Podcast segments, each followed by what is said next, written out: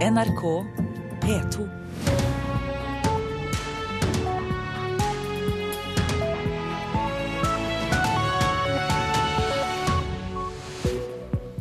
Det er fredag 21. november. Dette er hovedsaker i Nyhetsmorgen. Partene i budsjettforhandlingene på Stortinget er enige om en skisse som skal legges fram for stortingsgruppene. Vi har kommet frem til et omforent forslag der alle fire partier har fått sine fotavtrykk inn i avtalen. FrPs parlamentariske leder var det, Harald T. Nesvik. Fem millioner ulovlige innvandrere til USA kan få oppholdstillatelse etter Barack Obamas innvandringsplan. Vi er et land av immigranter, sa presidenten i natt. My fellow Americans, we are and always will be a nation of immigrants. We were strangers once too. Teleselskapet VimpelCom, som Telenor eier en del av, risikerer enorme bøter dersom de ble funnet skyldig i korrupsjon. Og bombealarm på Voss i natt. Sju hus ble evakuert, men politiet i Hordaland har fjernet sprengstoffet nå. De fire borgerlige partiene ble i natt enige om en skisse til statsbudsjett som de skal legge fram for sine stortingsgrupper. Klokken ble halv fem før forhandlingslederne kom ut igjen fra forhandlingslokalet på Stortinget. Høyres Trond Helleland var sliten, men fornøyd da han møtte pressen klokka 4.30. Jeg kan fortelle at vi nå har en skisse som vil bli forelagt for de respektive partiers gruppemøter klokka halv ti. Når de gruppemøtene er avholdt, og vi forhåpentligvis da har fått en gjennomgang i gruppene som gir tilslutning til denne skissen, så vil det bli en pressekonferanse i vandrehallen der en avtale da forhåpentligvis kan signeres. Men det er helt avhengig av at stortingsgruppene nå godkjenner den skissen som eh, ligger på bordet. FrPs Harald T. Nesvik passet på å understreke at budsjettet likevel ikke er helt i havn. Men det er viktig her å presisere at uh, ingenting er klart før alt er klart, som vi pleier å si. Det vil si at gruppene må si sitt syn her, før vi eventuelt uh, har en endelig avtale på plass. Men uh, jeg mener vi har kommet så langt at jeg kan i hvert fall anbefale min gruppe til å si virkelig ja til dette forslaget.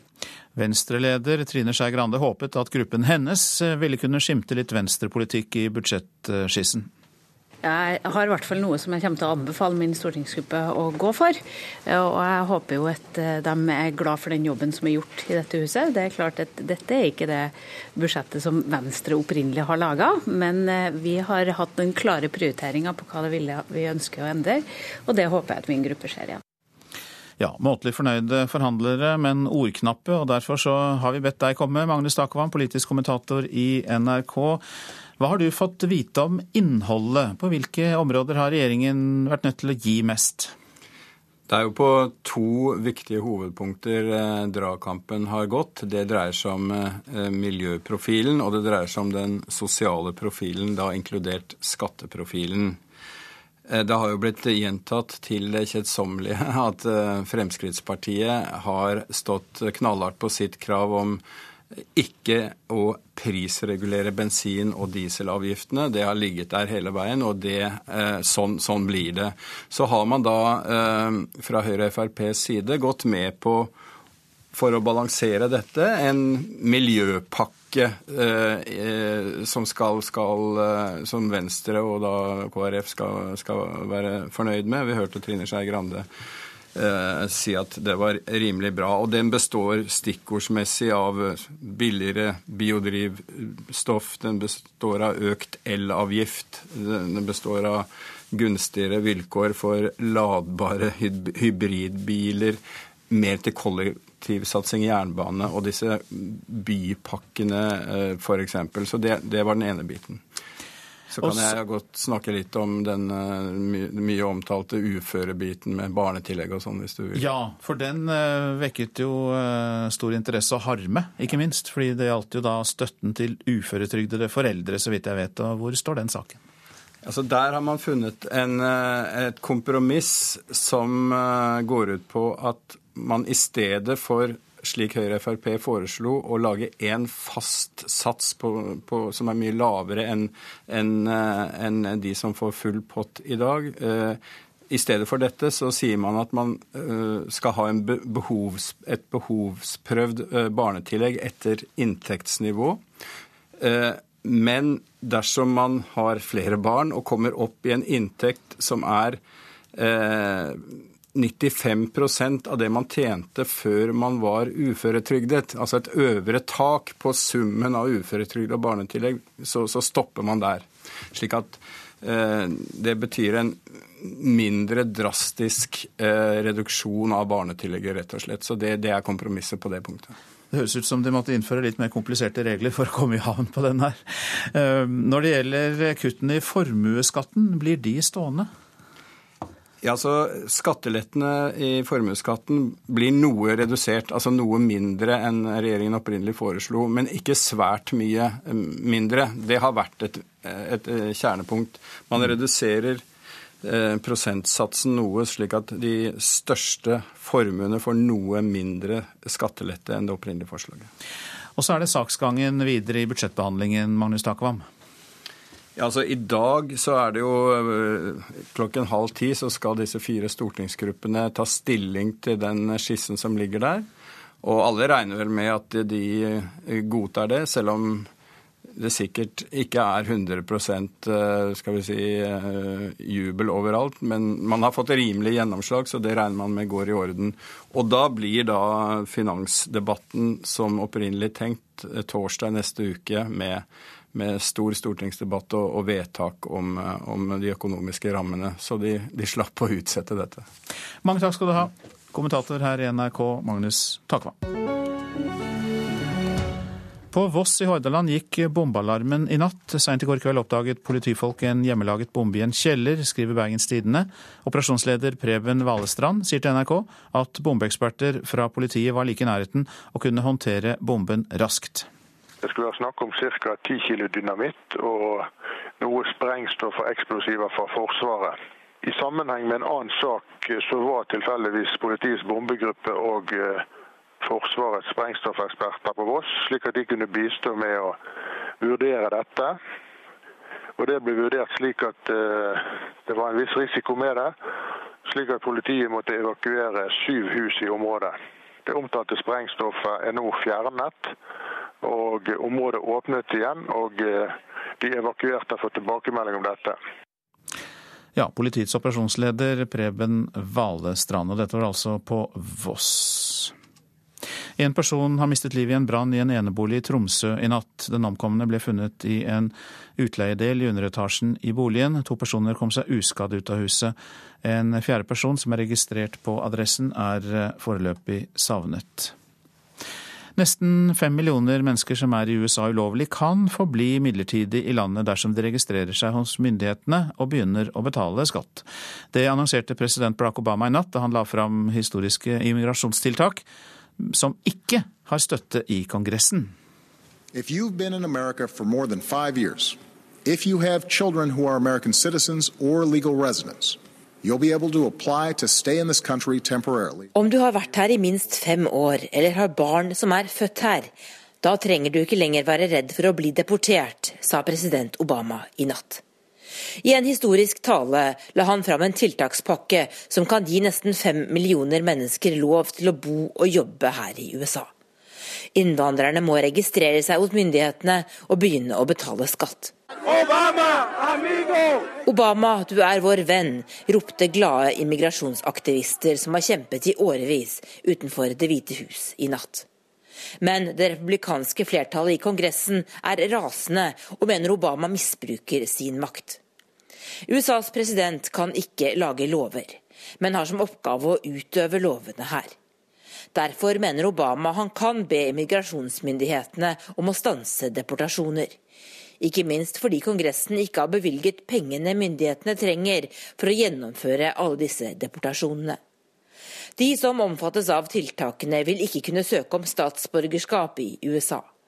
President Obama håper imidlertid at han med tiltakspakken vil presse Kongressen til å vedta en mer omfattende immigrasjonsreform snart. Tove Bjørgaas, Washington. Så til teleselskapet VimpelCom, som Telenor eier en del av. De risikerer enorme bøter dersom de blir funnet skyldig i korrupsjon. VimpelCom er nemlig notert på den amerikanske børsen Nasdaq, og faller dermed inn under amerikansk antikorrupsjonslovgivning. Disse lovene er de strengeste som finnes på dette området, forteller stipendiat Birte Eriksen ved Juridisk fakultet, Universitetet i Bergen. USA er den store internasjonale driveren på rettsutvikling når det gjelder antikorrupsjonsarbeidet i verden. Så et selskap som er børsnotert i USA, er underlagt de strengeste reglene for antikorrupsjon som, som, finnes. Som har andre, mye strengere krav til internkontroll enn det vi er vant med i Norge. Eh, og også mye strengere krav til, og ansvarsregler knyttet til eh, eiere og styremedlemmer. Hvem visste hva om overføringene av rundt 600 millioner kroner for osbekiske telelisenser fra VimpelCom til et selskap på Gibraltar? Og hvem burde i så fall visst? For amerikanske myndigheter vil neppe slå seg til ro med at et selskap formelt har nulltoleranse for korrupsjon. Det skal ha vært et reelt antikorrupsjonsarbeid på plass. Og hva styret i VimpelCom har foretatt seg på dette området, vil bli en sentral del av etterforskningen, tror Eriksen for det første bringe på det rene hva som er faktum rundt, eh, rundt de aktuelle transaksjonene. Eh, vi, vi, vet vel ikke helt eh, både rekkevidden og, og innholdet i, i disse. Eh, men også hvis disse viser seg å ha funnet sted, sånn som det er beskrevet i media, eh, så er det spørsmål på hvilken måte VimpelCom har innrettet seg på forhånd med hensyn til å forhindre og redusere risikoen for korrupsjon. Og det er her også norske styremedlemmer faktisk kan komme i, et, eh, i verste fall et straffansvar? Eh, I verste fall så kan de komme i eh, personlig, en personlig ansvarssituasjon, ja. Ja, det sa stipendiat Birte Eriksen ved Juridisk fakultet i Bergen, og Halvard Norum var reporter. God morgen til deg, Terje Erikstad. Takk. Du er utgavesjef i Dagens Næringsliv, og dere har jo fulgt denne saken i mange år. Dere brakte den vel på bane for to år siden, så vidt jeg vet. Og vi fikk jo høre her om at personer kan stå ansvarlig hvis man blir rammet av at dette er korrupsjon. Er det da sannsynlig at norske styremedlemmer i VimpelCom kan komme inn under dette? Ja, det er meget sannsynlig. Fordi det er ganske mye som er kjent i denne saken, og som gjør at vi kan konkludere med at eh, VimpelCom har et problem. Og Det som er kjent, og som har vært kjent i, også lenge, og som VimpelCom eh, ikke legger skjul på, er at eh, selskapet betalte eh, ca. 600 millioner kroner til et postkasseselskap som heter Takilant som er registrert på Gibraltar, og hvor angivelig den eieren skulle være på det tidspunktet en 24 år gammel eh, kvinne uten noen erfaring fra Telekom, eh, som eh, ikke er kjent for å ha bygget opp noe på egen hånd. Hun skal eh, være den personlige assistenten, eller var, til eh, datteren til diktatoren i Usbekistan. Eh, det er klart at Når du utbetaler så mye penger til et postkasseselskap med en eier som ikke fremstår som troverdig eier i det hele tatt, så bør man stille spørsmål eh, ved hva er dette virkelig riktig? Det, kan det være egentlig en annen eier som står bak denne frontfiguren? Og Det er det som er det utfordrende her. Har styremedlemmene i VimpelCom stilt disse spørsmålene? Eller har man bare eh, som tatt det formelle og sagt at ja, Takilant er et registrert selskap med en eier, og da er vi fornøyd? Her er det mye å grave i, helt åpenbart. Men likevel så er det én ting som kanskje kan virke forvirrende på oss. Altså, dette er et selskap som opererer i Usbekistan, og korrupsjonen har sannsynligvis skjedd der. Russ, russisk selskap, det er da VimpelCom, og så er det Norge som har en eierandel. Men for øyeblikket er det jo andre land som uh, har hånd om denne etterforskningen? Det er det. Eh, fordi eh, VimpelCom er, eh, har hovedkontor i Nederland og er børsnotert i USA. Og transaksjonene skjedde i Sveits. Eh, penger ble overført til bankkonto i, Sveits. Eh, så myndigheter i disse tre landene driver nå og etterforsker dette. I tillegg så er jo svenske myndigheter involvert og etterforsker, fordi eh, svenske Telia Sonera har kjøpt lisenser fra det samme selskapet, Takelant.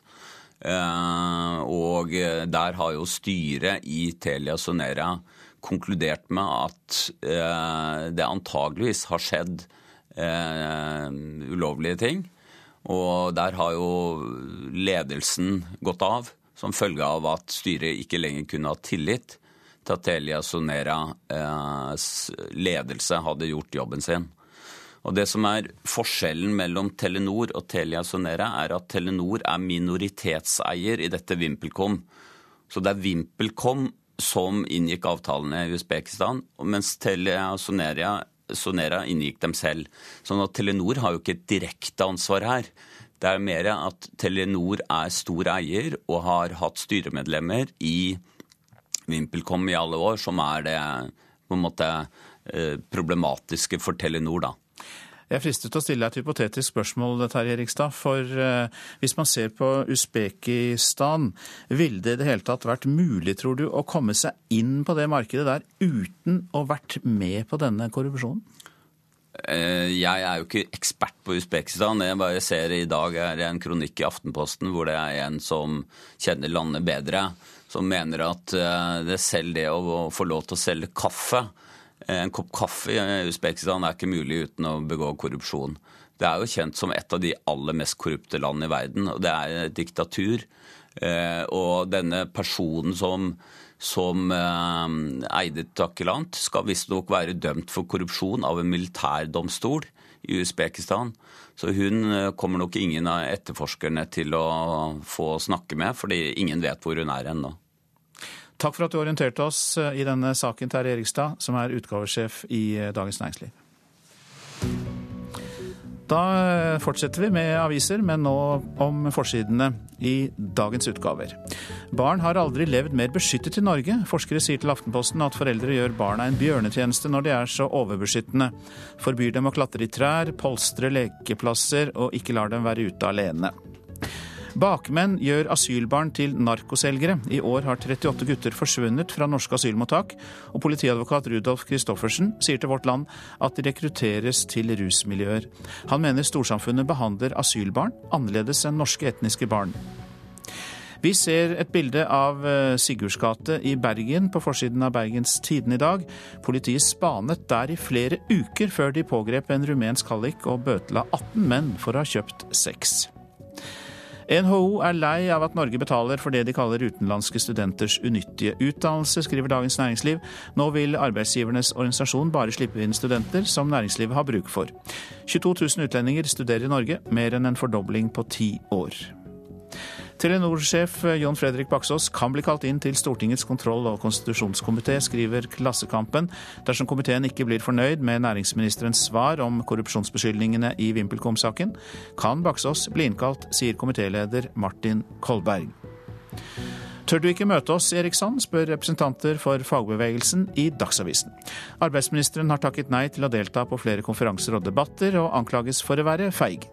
Robert Eriksson svarer at han får mange invitasjoner, at han må takke nei til mange av dem. EU presser på for å få mer fruktimport til Norge, kan vi lese i Nasjonen. Russiske sanksjoner gjør Norge til et mer attraktivt marked. Vi venter omfattende krav fra EU, sier europaminister Vidar Helgesen. Falt i bekken og var død i sju timer. Nordlys forteller om mirakelet John Arve Johansen fra Sortland. 50 mennesker var med på redningsaksjonen, og det viser hvor viktig det er at hele redningskjeden fungerer, sier professor i akuttmedisin ved Universitetet i Universitetssykehuset i Tromsø, Mats Gilbert. Hvilke menn er mest utro, og dramatiske erfaringer fra TV-serien Fame ja, Nei, Farmen skal det være. Ikke Fame, men Farmen. Ja, Det kan vi i hvert fall lese om i VG og Dagbladet.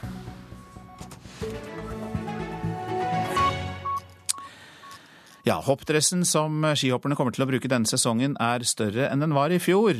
I fjor var det kun tillatt med to centimeter ekstra stoff, men denne grensen er økt til tre centimeter. Og det betyr åpenbart mye for hopperne. Andreas eh, syr dressene. Han sier at uh, centimeterne har mye å si. Nå blir dressen fylt med luft i lufta, Og det bærer veldig mye mer enn det det gjorde i fjor. Da satt det helt inntil. En noe større hoppdress gjør at man flyr mye bedre, også med lavere fart, skal vi tro Norges beste skihopper Anders Bardal. Vi kan hoppe med mindre fart. Tidligere skihopper Andreas Villberg er servicemannen som syr de norske dressene. Han tror at den ene centimeteren kan gi ny verdensrekord i løpet av sesongen. Jeg tror nok den verdensrekorden kan henge en litt tynn tråd i åra. Og hopperne starter da sesongen i tyske Klingenthal i morgen. Reporter Henrik Agledal. Ja, du lytter til Nyhetsmorgen, og klokka er 6.50. Vi har disse hovedsakene. Partene i budsjettforhandlingene på Stortinget er enige om en skisse som legges fram for stortingsgruppene i formiddag. Fem millioner ulovlige innvandrere til USA kan få oppholdstillatelse etter Barack Obamas innvandringsplan, som ble kunngjort i natt. Og vi skal høre at det blir mindre musikk i norske fengsler etter kutt i statsbudsjettet. Musikk betyr alt. Det er terapi. Da lærer man jo å spille i lag istedenfor å sitte på cella og spille litt feil. Men først om barnehager og mobbing, for der er også det et problem. Det konkluderer førstelektor i pedagogikk, May-Britt Helgesen, i en studie. Hun mener mobbingen skjer i barnehagene, lenge har vært ignorert. Jeg tror at vi har ignorert problemet fordi at vi, vi ser på mobbing som ondsynede handlinger. Og små barn er ikke onde. Og Derfor så har vi ikke knytta det til, til, mobbing til barnehagebarn. Det sier førstelektor i pedagogikk May-Britt Helgesen. Siden 2006 har hun gått grundig inn på mobbing i barnehager. Og i sin nye studie konkluderer Helgesen med at det er masse mobbing i barnehagene. Og at det kan være vanskelig å oppdage sånn mobbing for voksne, siden små barn kan bruke avanserte former for å mobbe andre barn. Og de kan bruke ganske, ganske avanserte former når de skal ekskludere en annen fra, fra gruppa. F.eks. Så, så kan de jo si at alle som har blå joggebukse, får være med. Og så er det jo alltid en som ikke har blå, som da igjen registrerer at jeg har ikke den rette fargen.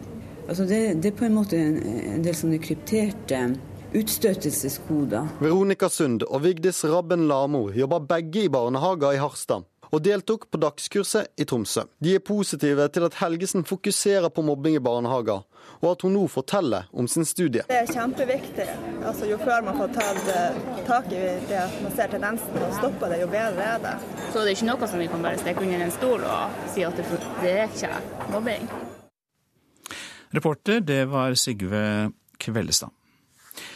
Problemene står i kø for prestisjeprosjektet Per Gynt ved Den Norske Opera. Åtte dager før urpremieren rammes operaen av noter som er forsinket, avlyste forestillinger og utsatte TV-opptak. Det er jo ekstremt sent levert. Det sier Jan Koop, hovedtillitsvalgt for Musikernes Fellesorganisasjon ved Operaen. Det er klart det skaper jo store utfordringer for oss som skal lære notene i løpet av uvanlig kort tid. Jeg tror ingen har opplevd noe lignende. Og flere kilder i operaen sier det samme. Den estiske komponisten Juri Reinvere fikk oppdraget fra operasjef Per Boje Hansen om å skrive operaen i mai 2012. Reinvere fikk altså to og et halvt år på seg på å omskrive Ibsens verk. Flere kilder sier til NRK at det er vanlig med fire eller fem år fra bestilling av et nyskrevet verk til urpremieren. Nå mener Jan Koop at tidspresset kan føre til at premieredatoen står i fare. Premieren må ha det nivået vi skal ha i operaen. Ellers mener jeg at operasjefen selv må innse at han må flytte premieren. Det har vært en veldig utfordrende situasjon med at notematerialet kom såpass sent. Det sier operasjef Per Boje Hansen. Det er klart Man vil alltid vurdere kvalitet underveis. Og jeg forstår at, at mange liksom tenker at dette er et dristig prosjekt, og det er høy risiko å lage en urpremiere. Men uh, med den innsatsen som nå legges for dagen, så er jeg svært optimistisk med tanke på resultatet neste lørdag. Tross alt en optimistisk operasjef der, Per Boje Hansen, og det var Une Marvik Hagen som var reporter. Det kan bli mindre musikk i norske fengsler etter kutt i statsbudsjettet. Støtten til bandøvinger kan forsvinne. I Tromsø fengsel møter de innsattes eget band sin instruktør en dag i uka. Musikk betyr alt. Er terapi. Og det at dere møtes her og et lite band? Ja, det, det betyr mye. Da lærer man jo så å spille i lag istedenfor å sitte på cella og spille litt feil.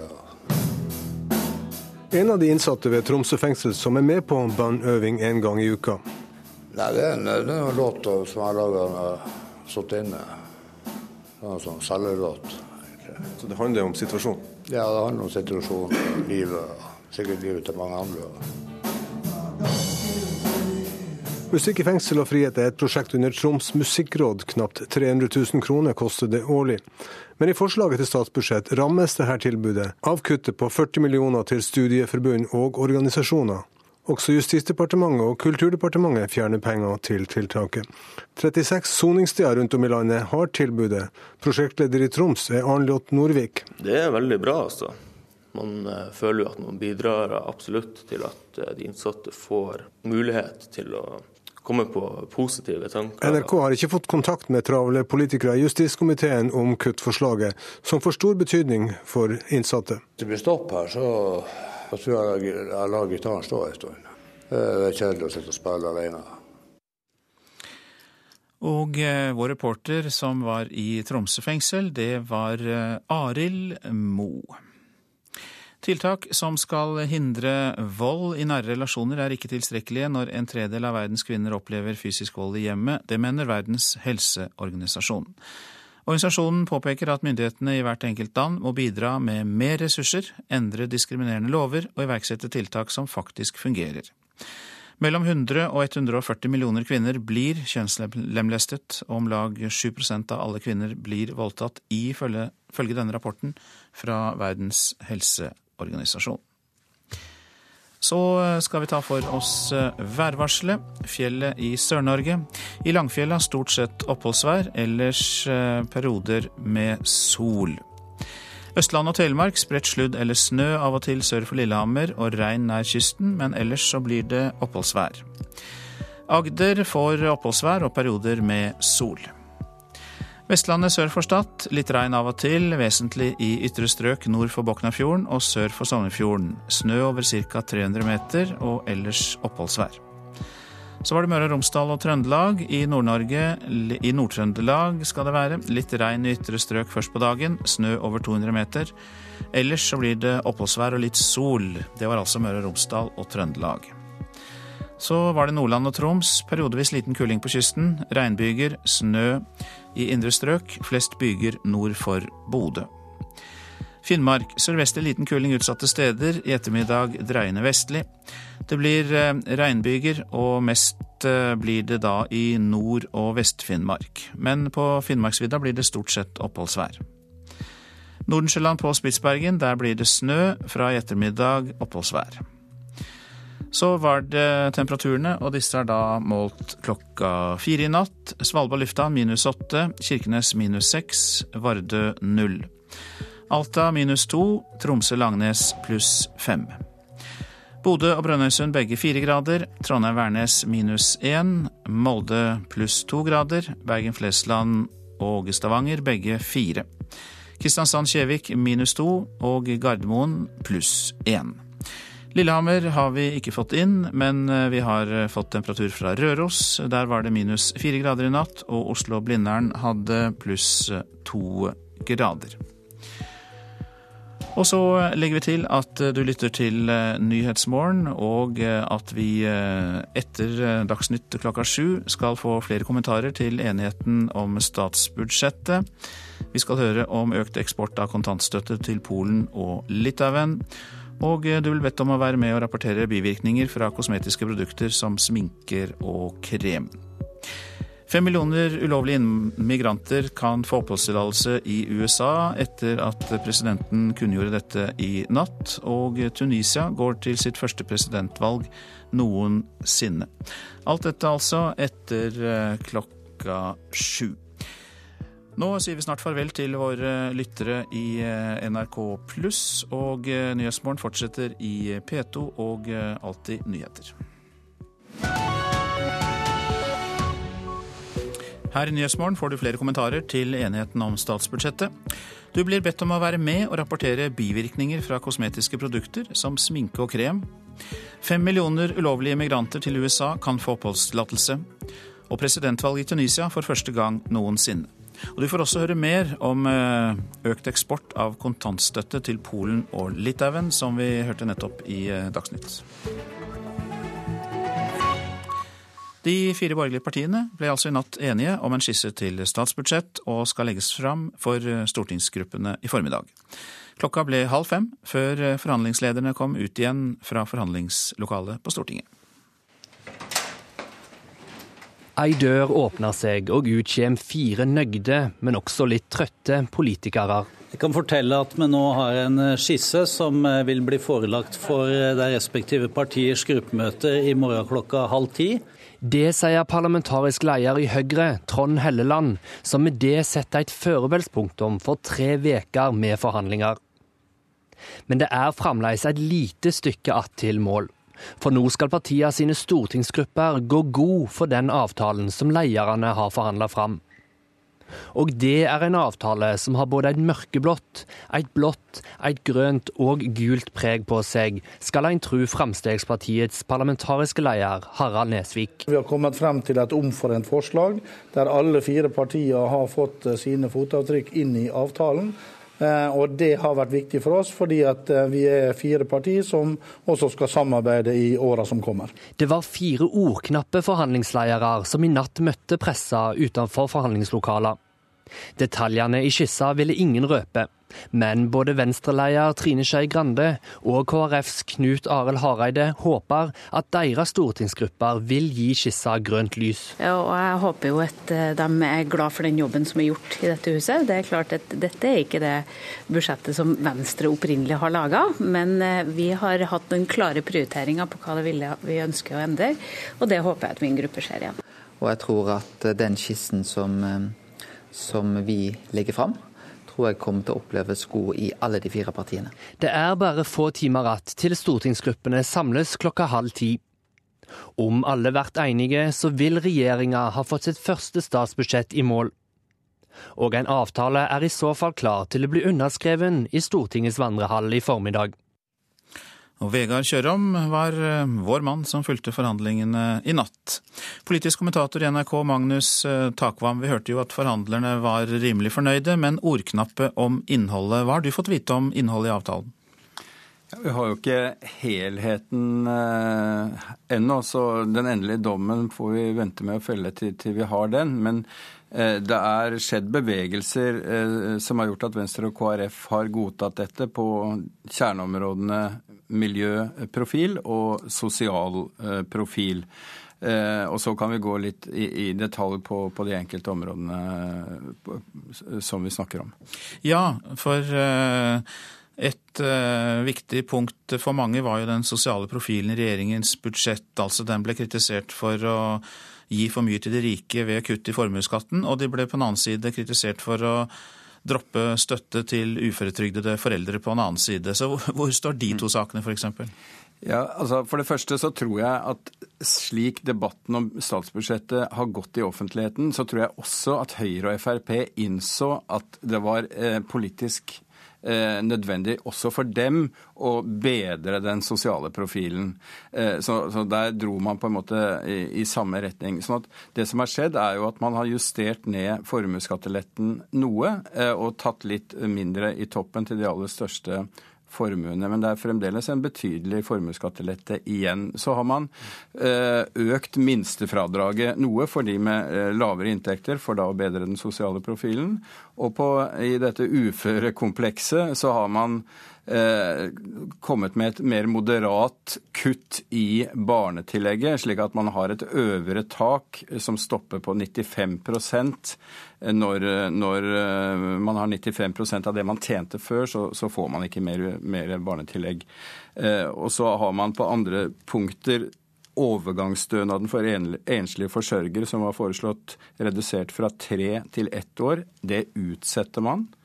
Skatteklasse 2, som man ville fjerne, det beholdes. Så det er noen punkter som gjør at KrF, eh, særlig da, aksepterer denne eh, profilen som det nå er endt opp med. Og så hørte vi i Dagsnytt at eh, det ikke blir noen økning i bensinavgiftene. Det var jo veldig veldig viktig for Frp, har vi fått høre. Hva har da Venstre og KrF fått til gjengjeld?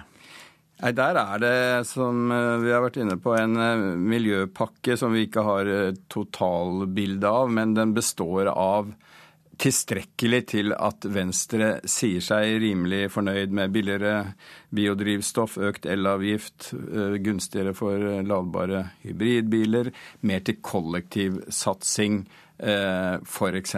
Så, så der har man for å balansere FrPs absolutte krav om null økning i bensin- og dieselprisene, eh, laget denne pakken. Og så da, for å understreke det, det kan bli undertegning av denne avtalen i dag hvis stortingsgruppene slutter seg til? Det, det regner de fleste med. De har gruppemøter klokken halv ti, og så blir det en uh, gjeng med partiledere i, og parlamentariske ledere i vandrehallen etter det, som skal eh, formidle budskapet fra budsjettet. Hjertelig takk, kommentator i NRK Magnus Takvam. Eksporten av kontantstøtte til utlandet har økt med nesten 30% det siste året, hørte vi i Dagsnytt.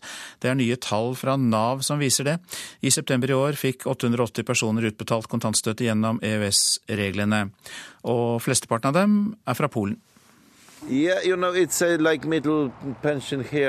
Kontantstøtta i Norge på 6000 kroner er som en hel månedslønn i heimlandet til polske Tomas.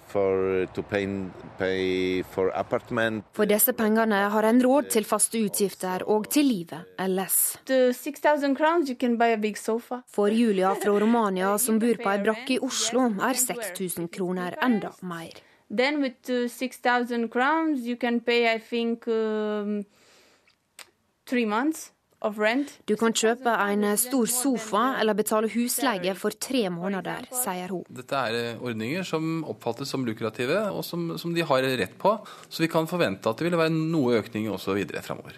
Det sier kunnskapsdirektør Yngvar Aarsolt i Nav. Fram til 2012 var det en nedgang i bruk av kontantstøtten. Men nå har trenden snudd. Det som er spesielt med de tallene vi har fått eh, for i år, det er at eh, veksten den kommer utelukkende blant menn, mens det er en nedgang blant kvinner.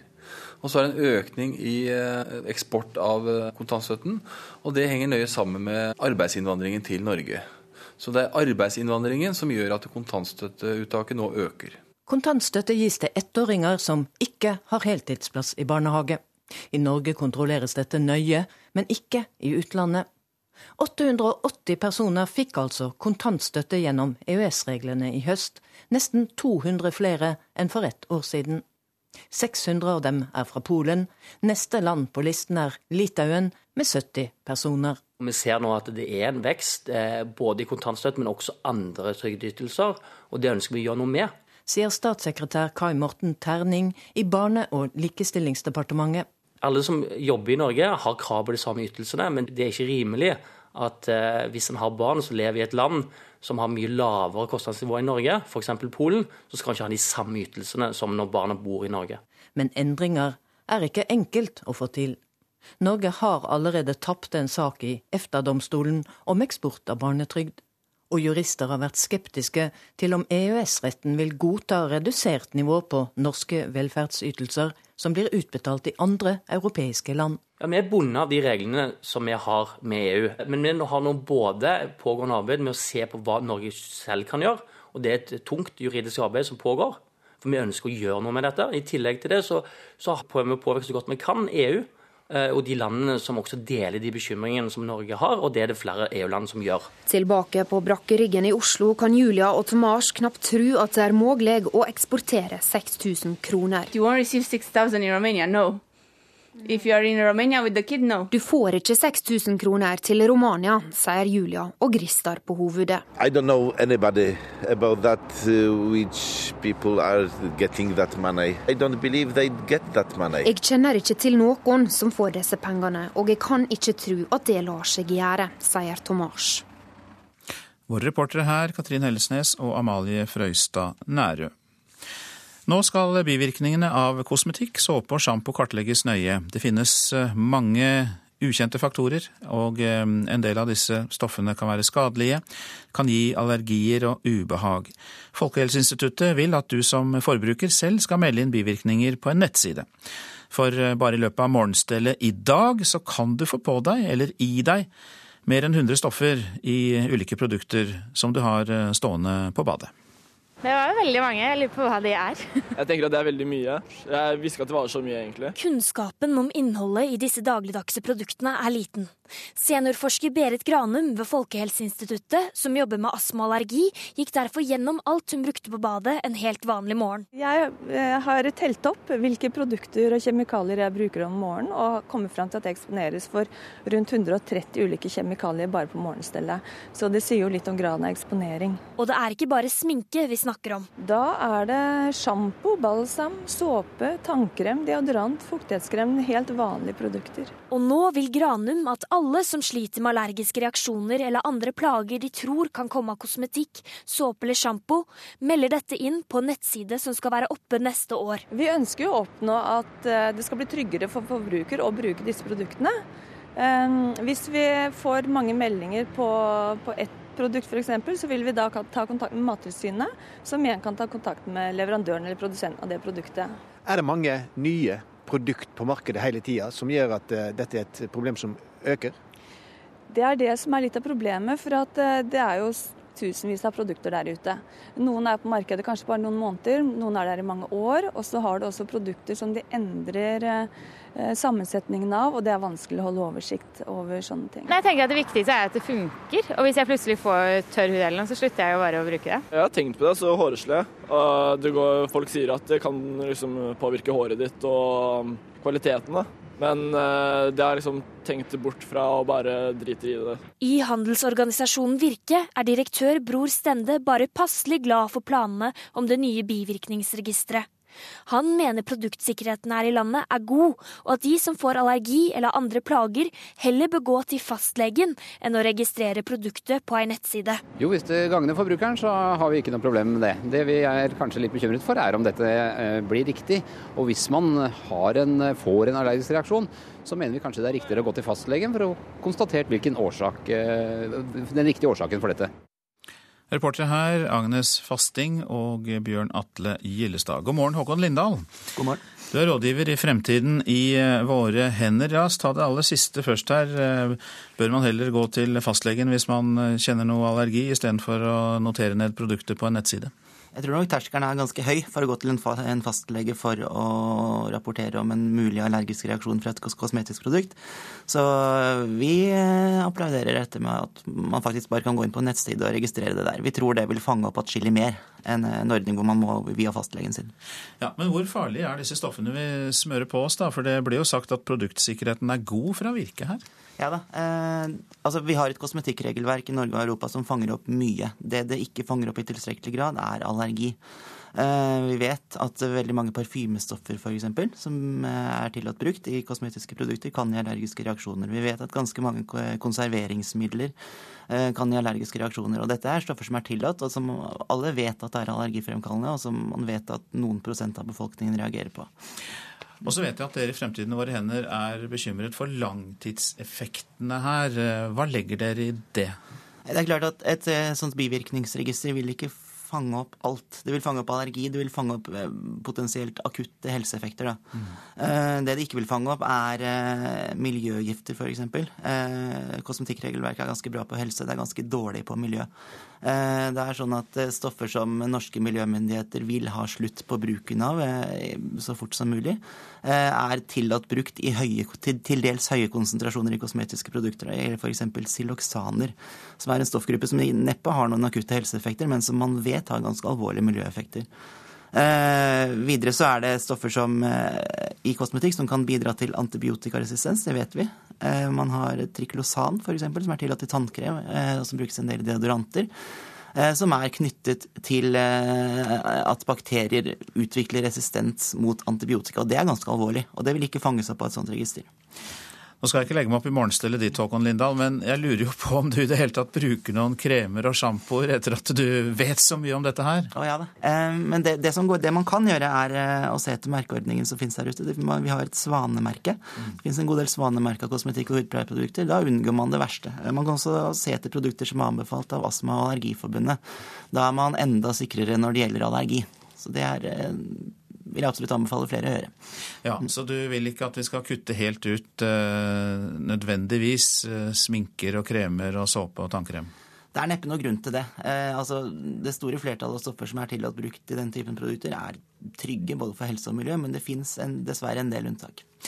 Til slutt tilbake til utgangspunktet, Håkon Lindahl. For vi blir altså bedt om å registrere virkninger som vi får når vi bruker disse stoffene i dette registeret som Folkehelseinstituttet skal eh, bruke. Hva tror du kan bli nytten av det?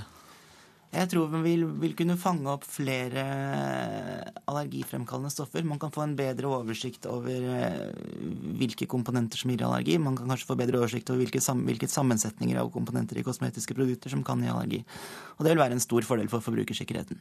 Mange takk. Håkon Lindahl, du er rådgiver i Fremtiden i våre hender. Nå er klokka blitt 7.19. Dette er hovedsaker i dag. Partene i budsjettforhandlingene på Stortinget er enige om en skisse som skal legges fram for stortingsgruppene i formiddag. Eksporten av kontantstøtte til utlandet har økt med nesten 30% det siste året. Flesteparten av de som får støtte, er fra Polen. Og du blir altså bedt om å være med å rapportere bivirkninger fra kosmetiske produkter som sminke og krem, og det er Folkehelseinstituttet som ønsker å samle inn erfaringer, som vi hørte her.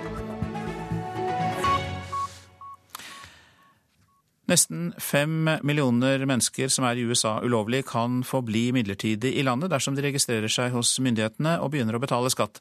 Det annonserte president Barack Obama i natt da han la fram historiske immigrasjonstiltak som ikke har støtte i Kongressen.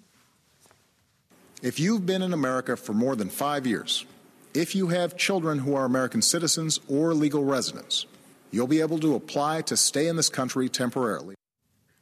USA-korrespondent Tove Bjørgaas, ja, hvor enestående er det Barack Obama gjorde i natt?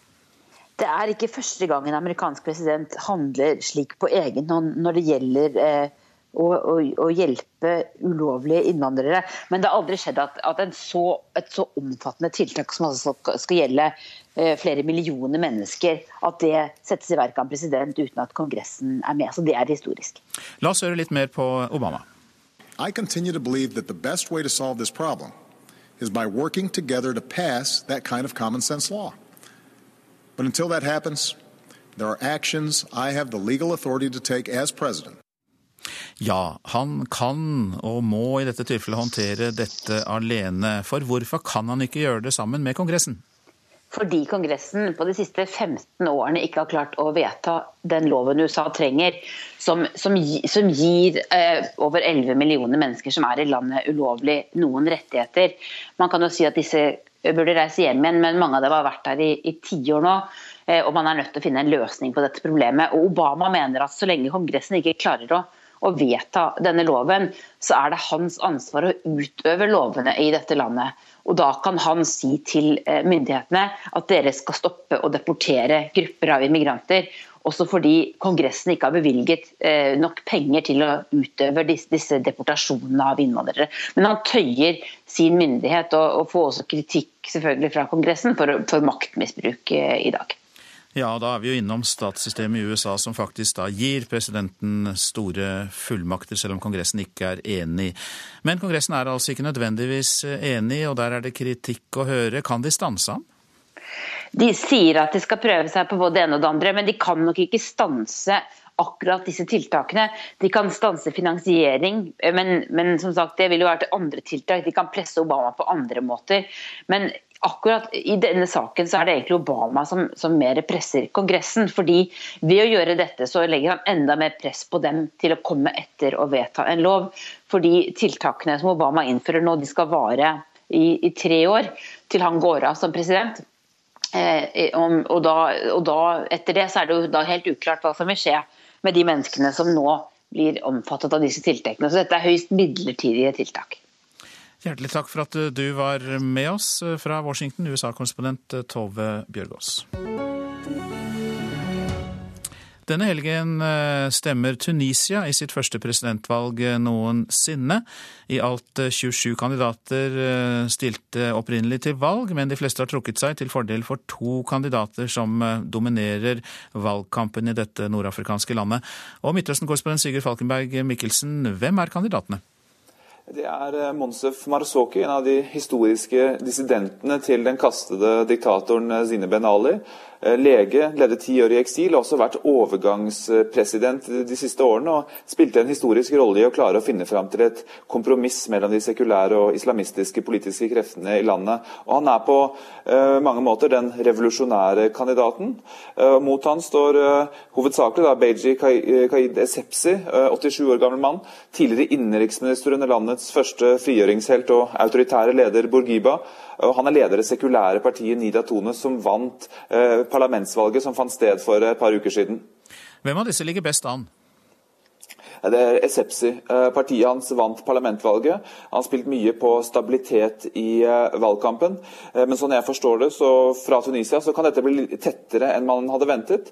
Og Marzouki har spilt mye i valgkampen nå på slutten på frykten for at det gamle regimet kommer tilbake under dekke av Nida Tones-partiet og Essepsi. Og det er også interessant at Enada, islamistpartiet, ikke stiller noen egen presidentkandidat her. Mye står vel på spill? Dette er altså et land som ikke har hatt noe presidentvalg tidligere? Ja, For Tunisias del så dreier det seg dette om å, å, lykkes i overgangen til et demokrati, eh, der man konkurrerer om makten via eh, stemmeurnene. Det har vært en lang og, og vanskelig vei eh, siden Ben Ali ble styrtet. Enada vant de første valgene, eh, men det har vært en kaotisk tid. Eh, Bl.a. med politiske drap på profilerte venstrepolitikere. Eh, nå tror jeg ansvaret ligger mer på den andre siden, etter valgseieren i parlamentsvalget, og særlig hvis Sepsi skulle vinne presidentvalget nå. Og For regionens del så er jo Tunisia et sjeldent lyspunkt sammenlignet med de andre landene her. Eh, militærkupp i Egypt, borgerkrig i Libya, og for ikke snakke om Syria. Midtøsten-korrespondent Sigurd Falkenberg Mikkelsen var med oss der. Takk skal du ha. Avisene nå. Barn har aldri levd mer beskyttet i Norge. Forskere sier til Aftenposten at foreldre gjør barn en bjørnetjeneste når de er så overbeskyttende, forbyr dem å klatre i trær, polstrer lekeplasser og lar dem ikke være ute alene og leke. Bakmenn gjør asylbarn til narkoselgere. I år har 38 gutter forsvunnet fra norske asylmottak, og politiadvokat Rudolf Christoffersen sier til Vårt Land at de rekrutteres til rusmiljøer. Han mener storsamfunnet behandler asylbarn annerledes enn norske etniske barn som forsvinner. Vi ser et bilde av Sigurds gate i Bergen på forsiden av Bergens Tidende i dag. Politiet spanet nemlig der i flere uker før de pågrep en rumensk hallik og bøtela 18 menn for å ha kjøpt sex. NHO er lei av at Norge betaler for det de kaller utenlandske studenters unyttige utdannelse, skriver Dagens Næringsliv. Nå vil arbeidsgivernes organisasjon bare slippe inn studenter som næringslivet har bruk for. 22 000 utlendinger studerer i Norge, mer enn en fordobling på ti år. Telenor-sjef eh, Jon Fredrik Baksås kan bli kalt inn til Stortingets kontroll- og konstitusjonskomité, skriver Klassekampen, dersom komiteen ikke blir fornøyd med næringsministerens svar om korrupsjonsbeskyldningene i VimpelCom-saken. Kan altså Baksås bli innkalt, sier komitéleder Martin Kolberg. Tør du ikke møte oss, Eriksson, spør representanter for fagbevegelsen i Dagsavisen. Arbeidsministeren har takket nei til å delta på flere konferanser og debatter. Og han anklages for å være feig. Robert Eriksson svarer at han får veldig mange invitasjoner, at han må takke nei til mange av dem. EU presser på for mer fruktimport til Norge, kan vi lese i Nasjonen. Russiske sanksjoner gjør Norge til et mer attraktivt marked. Vi venter omfattende krav fra EU, sier europaminister Vidar Helgesen. Falt i bekken og var død i sju timer. Nordlys forteller om mirakelet John Arve Johansen fra Sortland. 50 mennesker var med på redningsaksjonen, og det viser hvor viktig det er at hele redningskjeden fungerer, sier professor i akuttmedisin ved Universitetssykehuset i Tromsø, Mats Gilbert. Hvilke menn er mest utro, og dramatiske erfaringer fra TV-serien Farmen? Ja, det kan vi lese om på førstesidene i VG og Dagbladet. Mange er litt usikre på om det er greit å sette seg på sykkelen når de skal hjem fra fest. Er det fare for å bli tatt for promillesykling? Men slapp bare av. Så lenge du ikke skaper farlige situasjoner for deg selv og andre, så er det fullt tillatt å ta tohjulingen hjem fra julebordet. Jeg trodde det var ulovlig. Med to glass vin innabords, så er det lett å miste vurderingsevnen. Har noen arr her og der. Men, og du har ramla? Jeg har ramla. Ja. Jeg trodde ikke at det var lov, nei. Mange er usikre på om det er greit å sykle hjem fra fest. Ja, i grunnen. På en måte jeg trodde at det ikke var bra sånn lovlig sett. At det ikke er lov å kjøre bil med promille, det er noe alle vet. Og det er òg sosialt uakseptabelt her til lands. Men hva med å sykle hjem fra julebordet etter å ha drukket øl og vin med promille over både 0,2 og 0,5? Er det lov? Vi lar UP-sjefen i Rogaland og Agder, Øystein Krokstad, svare. Ja, du vet, det er ikke, det er ikke promillegrense på sykkel. Det er, det er på motorvogn som er promillegrensa, så uh... Er det helt fritt?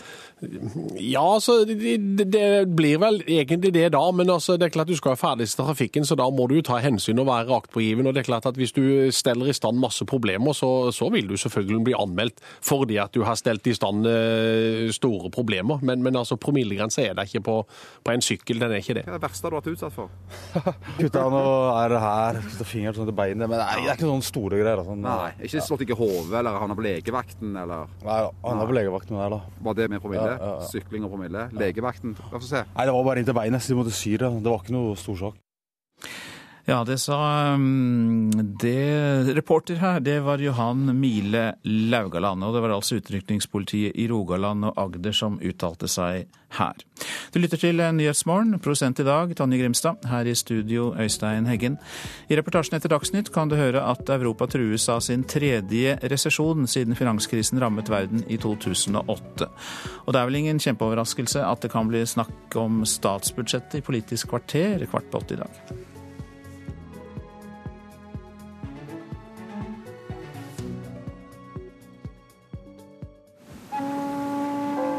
7. april 1940 drar Ivar Gundersen på jobb med Amerikalinjen. Han skal aldri komme tilbake til Bergen og gutten sin, Rolf. Jeg skulle ønske at jeg kunne få møte min far. Og da ville jeg fortalt han at eh, han hadde sviktet oss. Hør radiodokumentaren 'Amerikafaren' lørdag klokka ti på NRK P2. Partene i budsjettforhandlingene er enige om en skisse til løsning. Eksporten av kontantstøtte til utlandet øker, det meste går til Polen. Og Barack Obama vil gi flere millioner ulovlige innvandrere oppholdstillatelse i USA. Her er NRK Dagsnytt klokka 7.30. De fire borgerlige partiene ble i morges enige om en skisse til statsbudsjett for neste år. Og nå skal skissen legges frem for partienes stortingsgrupper. De fire forhandlingslederne sier at de er fornøyde med avtalen som nå ligger på bordet. Ei dør åpner seg, og ut kommer fire nøgde, men også litt trøtte politikere. Vi har kommet frem til et omforent forslag, der alle fire partier har fått eh, sine fotavtrykk inn i avtalen. Eh, og Det har vært viktig for oss, fordi eh, vi er fire partier som også skal samarbeide i åra som kommer. Det sa Frp sin parlamentariske leder Harald Nesvik da han i natt kommenterte skissa som de fire partiene er blitt enige om. Hva skissa inneholder, ville ingen ut med før stortingsgruppene har sett den, vurdert den og gitt grønt lys. Men de sa i alle fall at de sjølve var nøyde med resultatet. Jeg har i hvert fall noe som jeg kommer til å anbefale min stortingsgruppe å gå for. Og jeg håper jo at eh, de er glad for den jobben som er gjort i dette huset. Det er klart at Dette er ikke det budsjettet som Venstre opprinnelig har laga, men eh, vi har hatt den klare prioriteringa på hva det vi ønsker å endre, og det håper jeg at min gruppe ser igjen. Det sier Venstre-leder Trine Skei Grande, som får støtte for KrF-leder Knut Arild Hareide. Og jeg tror at eh, den skissen som, eh, som vi legger fram, tror jeg kommer til å oppleves god i alle de fire partiene. Om skissa blir godkjent, så vil en avtale om et flunkende nytt statsbudsjett bli undertegna i Stortingets vandrehall i formiddag. Det sa reporter eh, Vegard Kjørom. Politisk kommentator her i NRK, Magnus Takvam, hva vet du om innholdet i denne skissen som partene nå er blitt enige om? Ja, Det har jo skjedd eh, gjennomslag for Venstre og KrF på områdene eh, miljø og sosial profil. Eh, en hovedkonflikt har gått mellom eh, FrPs krav om å beholde eh, bensin- og dieselprisene som i det opprinnelige budsjettet, og det har de fått gjennomslag for. Og da har Høyre og Frp måttet godta en relativt stor miljøpakke som en slags kompensasjon. Og så har formuesskatten blitt noe redusert. Kombinert med at hele dette uførekomplekset også er endret eh, såpass mye at eh, Kristelig Folkeparti kan akseptere den sosiale profilen som eh, man ender opp med her. Hvem har gitt mest for å få til denne avtalen? Det er klart at Regjeringspartiene som har et budsjett fra før, har jo måttet godta de endringene jeg var inne på, og, og, men får da et flertall for et budsjett som de kan akseptere, uten å, å gi for mye etter på viktige saker som skatteprofil og dette med avgiftene og bensin f.eks. for, for Høyre og Frp. Takk skal du ha, Magnus Takvam. Eksporten av kontantstøtte til utlandet har økt med nesten 30% det siste året, det viser tall fra Nav. I september i år fikk 880 personer utbetalt kontantstøtte gjennom EØS-reglene, og den største gruppen kommer fra Polen. Kontantstøtta i Norge på 6000 kroner er som en hel månedslønn i heimlandet til polske Tomas.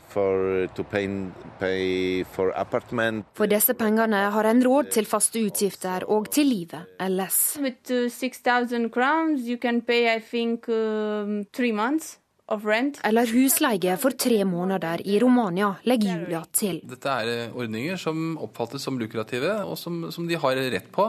Så vi kan forvente at det vil være noe økning også videre fremover. Det sier kunnskapsdirektør Yngvar Aasholt i Nav. Så dette er en naturlig konsekvens av sånn som regelverket er utforma, med den arbeidsinnvandringen vi har til Norge. Kontantstøtte gis til ettåringer som ikke har heltidsplass i barnehage. I Norge kontrolleres dette nøye, men ikke i utlandet. 880 personer får altså kontantstøtte gjennom EØS-reglene, nesten 200 flere enn for et år siden. Vi ser nå at det er en vekst eh, både i kontantstøtte, men også andre trygdeytelser. Og det ønsker vi å gjøre noe med. Sier statssekretær Kai Morten Terning i Barne- og likestillingsdepartementet. Alle som jobber i Norge har krav på de samme ytelsene, men det er ikke rimelig at eh, hvis en har barn som lever i et land som har mye lavere kostnadsnivå i Norge, f.eks. Polen, så skal han ikke ha de samme ytelsene som når barna bor i Norge. Reportere var Katrin Hellesnes og Amalie Frøystad Nærø. I USA kan nesten fem millioner mennesker som er i landet ulovlig, få bli værende inntil videre. Betingelsen er at de registrerer seg hos myndighetene og begynner å betale skatt. Det sa president Barack Obama i en tale til nasjonen i natt. If you've been in America for more than five years, if you have children who are American citizens or legal residents, Om du har vært her i minst fem år eller har barn som er født her, da trenger du ikke lenger være redd for å bli deportert, sa president Obama i natt. I en historisk tale la han fram en tiltakspakke som kan gi nesten fem millioner mennesker lov til å bo og jobbe her i USA. Innvandrerne må registrere seg hos myndighetene og begynne å betale skatt. Obama, amigo! Obama, du er vår venn, ropte glade immigrasjonsaktivister som har kjempet i årevis utenfor Det hvite hus i natt. Men det republikanske flertallet i Kongressen er rasende og mener Obama misbruker sin makt. USAs president kan ikke lage lover, men har som oppgave å utøve lovene her. Derfor mener Obama han kan be immigrasjonsmyndighetene om å stanse deportasjoner. Ikke minst fordi Kongressen ikke har bevilget pengene myndighetene trenger for å gjennomføre alle disse deportasjonene. Tove Bjørgaas, Washington. Her hjemme så ber Folkehelseinstituttet oss forbrukere om hjelp til å kartlegge bivirkninger av kosmetikk og såpe. Det finnes mange ukjente stoffer som kan gi allergier og ubehag. Og bare i løpet av morgenstellet i dag så kan du få på deg og i deg flere enn 100 stoffer fra produktene som du har på badet. Det var veldig mange. Jeg lurer på hva de er. jeg tenker at det er veldig mye. Kunnskapen om innholdet i disse dagligdagse produktene er liten. Seniorforsker Berit Granum ved Folkehelseinstituttet, som jobber med astma og allergi, gikk derfor gjennom alt hun brukte på badet en helt vanlig morgen. Jeg eh, har telt opp hvilke produkter og kjemikalier jeg bruker om morgenen, og kommer fram til at jeg eksponeres for rundt 130 ulike kjemikalier bare på morgenstellet. Så det sier jo litt om graden av eksponering. Og det er ikke bare sminke vi snakker om. Da er det sjampo, balsam, såpe, tannkrem, deodorant, fuktighetskrem. Helt vanlige produkter. Og nå vil Granum at alle som sliter med allergiske reaksjoner eller andre plager de tror kan komme av kosmetikk, såpe eller sjampo, melder dette inn på en nettside som skal være oppe neste år. Vi ønsker å oppnå at eh, det skal bli tryggere for forbruker å bruke disse produktene.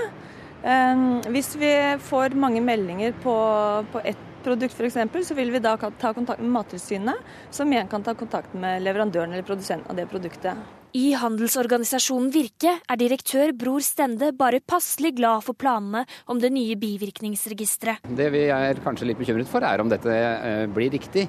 Og hvis man en, får en allergisk reaksjon, så mener vi kanskje det er riktigere å gå til fastlegen for å konstatere hvilken årsak, eh, den riktige årsaken for dette. Og reporter her var Agnes eh, Fasting.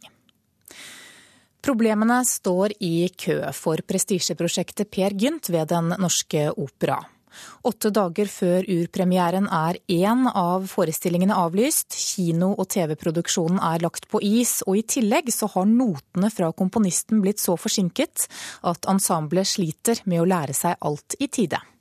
Det er jo ekstremt sent levert. Det sier Jan Koop, hovedtillitsvalgt for Musikernes Fellesorganisasjon ved Operaen. Det skaper jo store utfordringer for oss. Jeg tror ingen har opplevd noe lignende. Og flere kilder i Operaen sier det samme. Den estiske komponisten Juri Reinvere fikk oppdraget fra operasjef Per Boje Hansen om å skrive operaen i mai 2012. Reinvere fikk altså to og et halvt år på seg på å omskrive Ibsens verk. Flere kilder sier til NRK at det er vanlig med fire eller fem år fra bestilling av et nyskrevet verk til urpremieren. Nå mener Jan Koop at tidspresset kan føre til at premieredatoen står i fare. Premieren må ha det nivået vi skal ha i operaen. Ellers mener jeg at operasjefen selv må innse at han må flytte premieren. Det har vært en veldig utfordrende situasjon med at notematerialet kom såpass sent. Med den innsatsen som nå legges for dagen, så er jeg svært optimistisk med tanke på resultatet neste lørdag. Ja, Det sa til slutt eh, operasjef Per Boje Hansen. Komponist Jyri Reinværet vil ikke kommentere saken, og reporter her det var Une Marvik Hagen. Ansvarlig for denne sendingen var Ellen Omland, Marianne Myrhol og Anne Jetlund Hansen.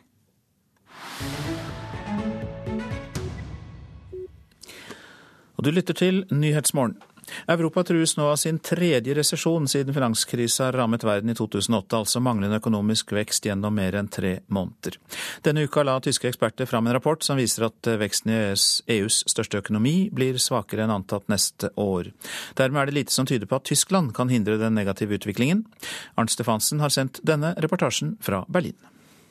Ihre Gesprächspartner sind Professor Dr. Michael Hüter, der Direktor des IW Köln. Institutt for tysk økonomi ønsker velkommen til pressekonferanse her i Berlin denne uka.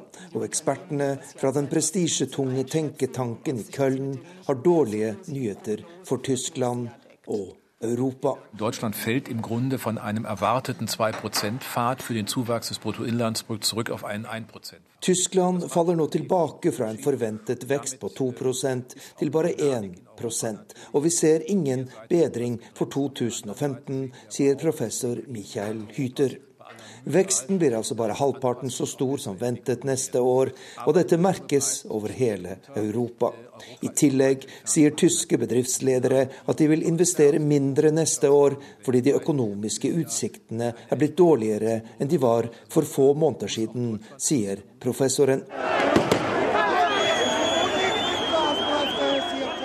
Den dramatiske utviklingen i Ukraina og de økonomiske straffetiltakene mot Russland er en av årsakene til svekkelsen i tysk økonomi. Tyskland har et omfattende økonomisk samarbeid med Russland, og mer enn 6000 tyske selskaper er etablert i landet, noe som gjør tyskerne mer økonomisk sårbare overfor denne konflikten enn andre EU-land. I tillegg er utviklingen i Frankrike og Italia en stor skuffelse. Europa er fortsatt langt unna et virkelig økonomisk oppsving, sier professor Michael Hyter ved Institutt for tysk økonomi. For et par-tre år siden så vi klare tegn på at den verste krisa var overvunnet, og mange håpet da på en relativt rask bedring. Riktignok har den beinharde sparepolitikken i land som Spania og Hellas gitt resultater, men samtidig sliter Frankrike og Italia tungt, og det tynger økonomiene i hele Europa, sier han.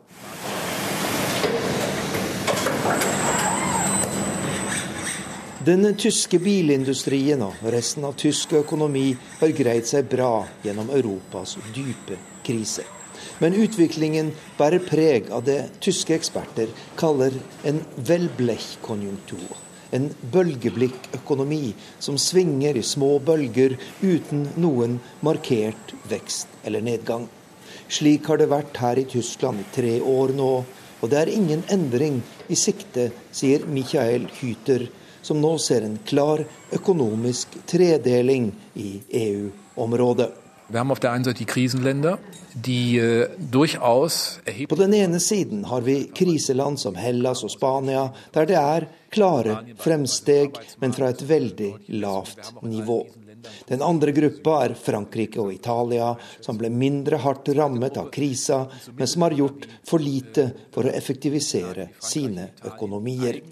Og til slutt har vi land som Tyskland, Østerrike og landene i Norden som har klart seg bra, men som også har sine problemer, sier professor Michael Hyter ved Institutt for tysk økonomi.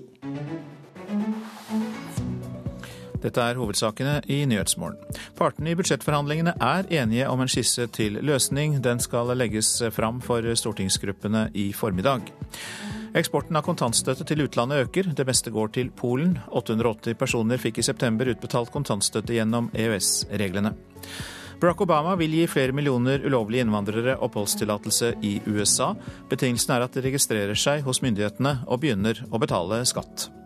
Og nå blir du bedt om å være med og rapportere bivirkninger fra kosmetiske produkter som sminke og krem. Det er Folkehelseinstituttet som ønsker å samle inn erfaringer. Vi gjør oss klar for Politisk kvarter. Cecilie Roang Bostad er programleder der.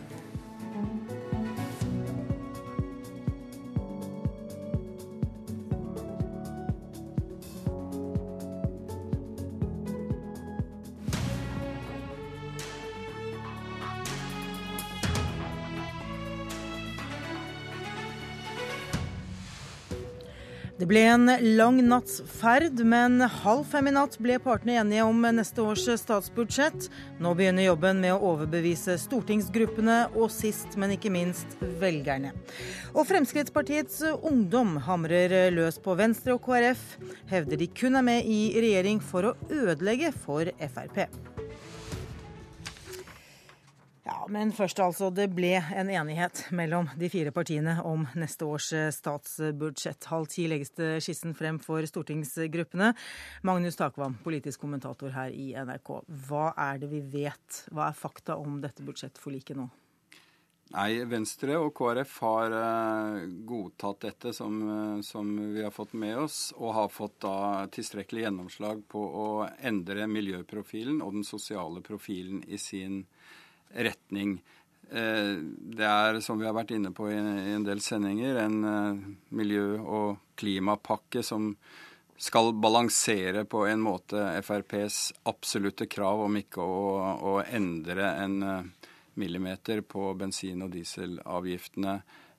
Så det er den ene biten. Og den andre biten er en endring av skatteprofilen og, og hele dette komplekset med uføretrygd som er knyttet til arbeidslinje debatten. Der er formuesskatten redusert en del ved å ikke eh, skal vi si, ta prosentsatsen så mye ned som Høyre og Frp opprinnelig foreslo.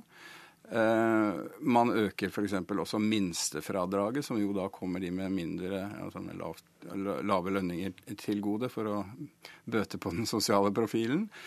Og når det gjelder det kontroversielle punktet om barnetillegget, så har man funnet en modell der man fremdeles skal ha et behovsprøvd barnetillegg, men stoppe, eh, stoppe det på når man når 95% i sum av den inntekten man hadde før man ble uføretrygdet. For å, for å unngå dette, si, denne trygdefella som mange snakker om, som hindrer folk i å gå, gå ut i jobb. Og bare for å, Det blir mange detaljer, men altså overgangsstønaden for enslige forsørgere f.eks. For eksempel, var foreslått redusert fra tre til ett år. Det blir utsatt og ikke avgjort nå. Skatteklasse 2, som også er knyttet til disse tingene, blir ikke fjernet. Og så har øh, KrF fått gjennomslag for en del av sine krav om øh, penger til barnehagene f.eks. ved øh, en bevilgning som skal gjøre opptaket mer fleksibelt. 500 millioner kroner til det. Dette problemstillingen om to opptak. Og eh, noe penger til en tilskuddsordning for å gjøre lærertettheten større i barneskolen de, de første to årstrinnene. Så det gjorde at KrF mener de er rimelig fornøyde. Det er noen av punktene. Men Eh, slik jeg tolker deg, så er det kompromisser hele veien her. Eh, men hvordan skal man tolke dette da? Vil alle disse fire partiene nå kunne gå ut og si at de er fornøyd? Ja, altså det er klart, Med det bråket som har vært om dette budsjettet, at man kommer i havn noenlunde helskinnet, er jo i seg selv eh, nok til å gjøre i hvert fall regjeringspartiene nokså fornøyde i dag, tror jeg.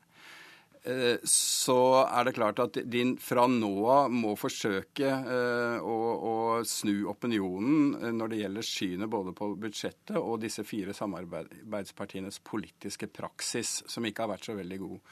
Og jeg har allerede i denne budsjettprosessen.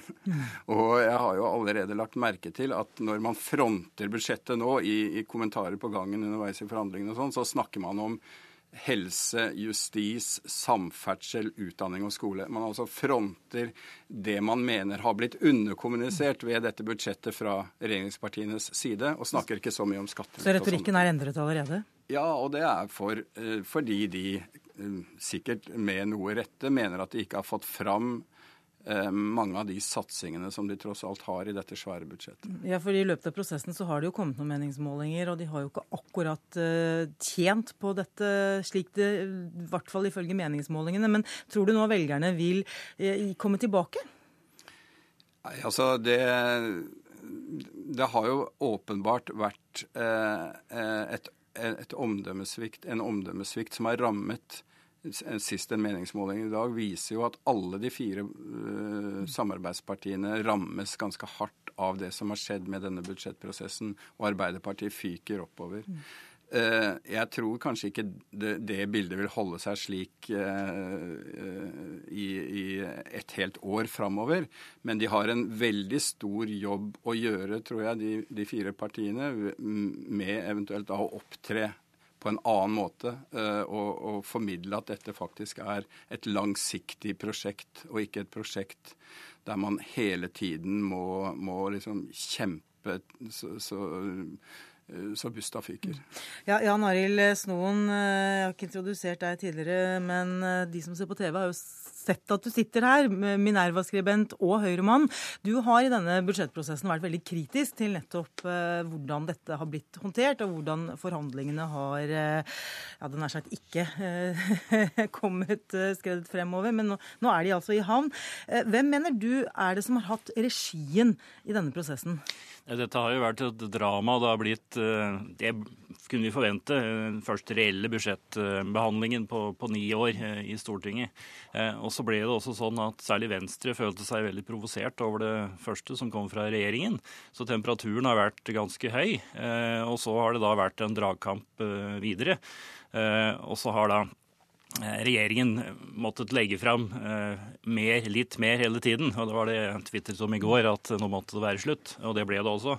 For det hadde kommet til et punkt der du måtte skjære gjennom. og Så vidt jeg skjønner, så har også regjeringen truet med kabinettspørsmål for å få dette i, i, land.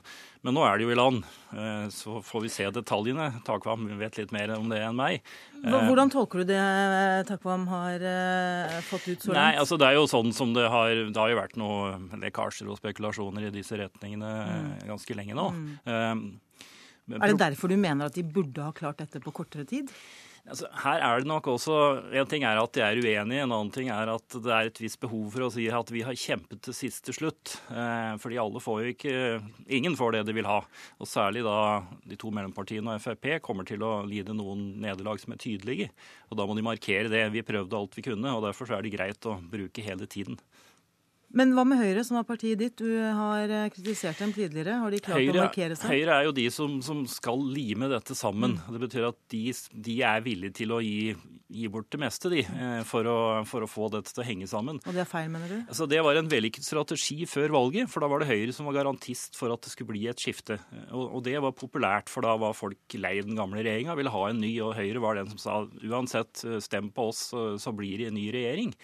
Nå er det ikke helt det samme nå som du faktisk sitter med regjering. Eh, så er det ikke det samme å si at eh, vi er garantisten for at regjeringen fortsetter. Det er det ikke noe stort sug etter.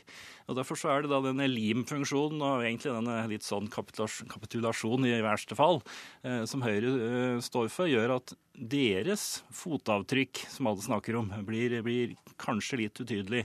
Nå er det likevel sånn at Høyre er det, det tyngste partiet her, så de vil nok komme ut som, som tyngdepunkt på denne siden framover. Og så får vi se da om velgerne liker det de ser.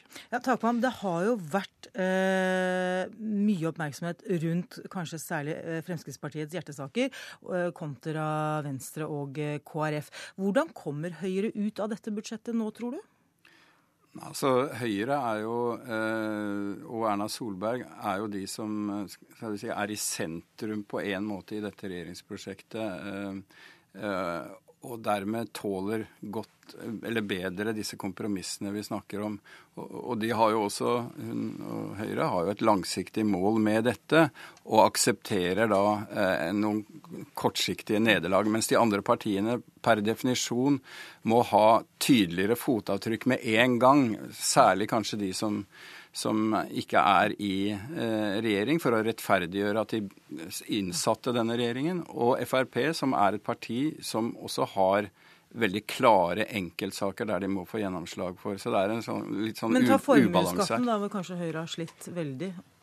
Ja, altså eh, Det som var problematisk med hele budsjettforslaget, var at, eh, slik jeg oppfatter det, at de la altfor mange ting de ville for mye med en gang i dette budsjettet.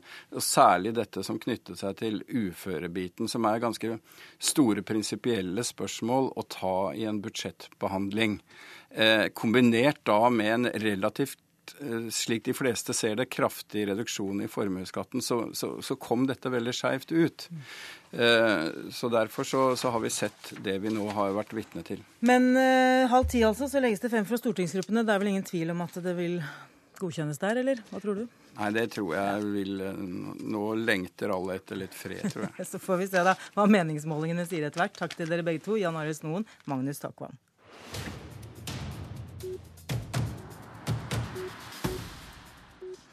Ja, Forut for denne enigheten så har det vært eh, mange meningsytringer om håndteringen av prosessen.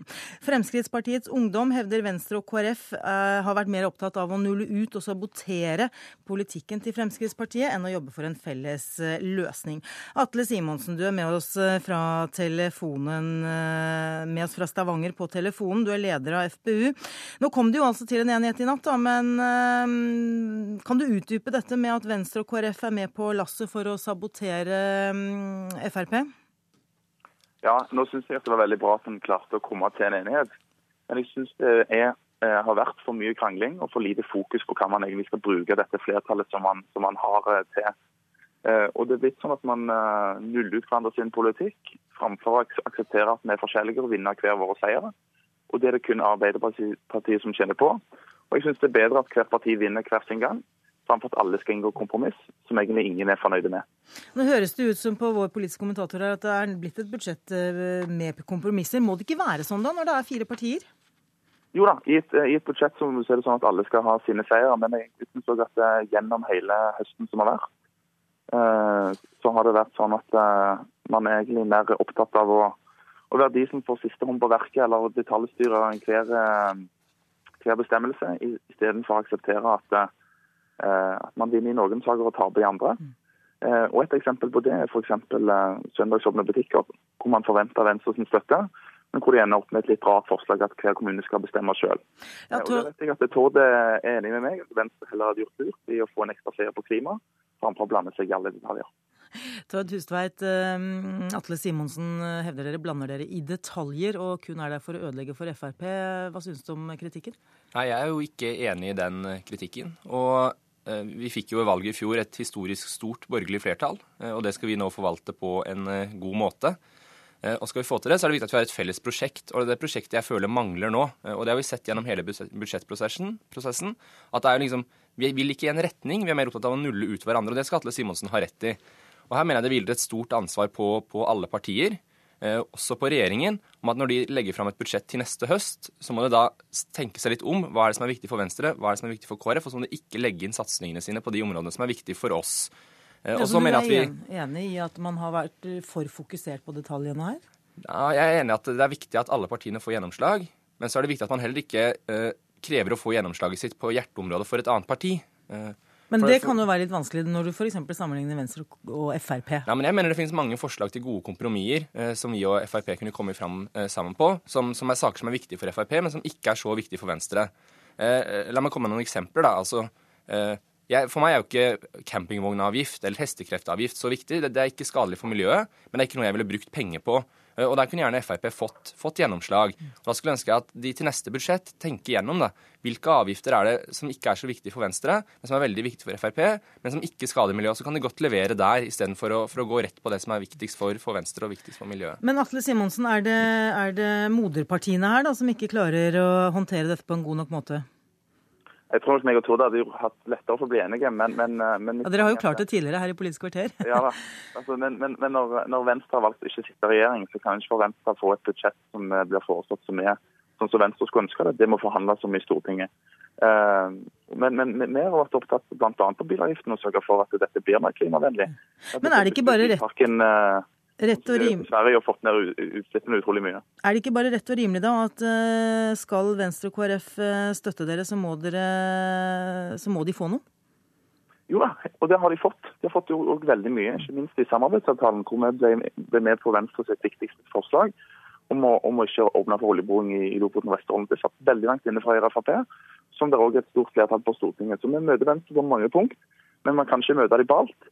Og hvis, og hvis de ønsker at vi ikke skal fremme avgifts, eh, avgiftspolitikk som, som, de er imot, så kan en jo svare tilbake igjen at det, det, det er ikke akkurat lurt i en forhandling da, å si at du skal øke bensinavgiften. Ja, Det var eh, dessverre alt vi rakk å ta med fra Atle Simonsen og Tord Hustveit. Eh, det var Politisk kvarter. I studio Cecilie Roang Bostad. Hør flere podkaster på nrk.no podkast.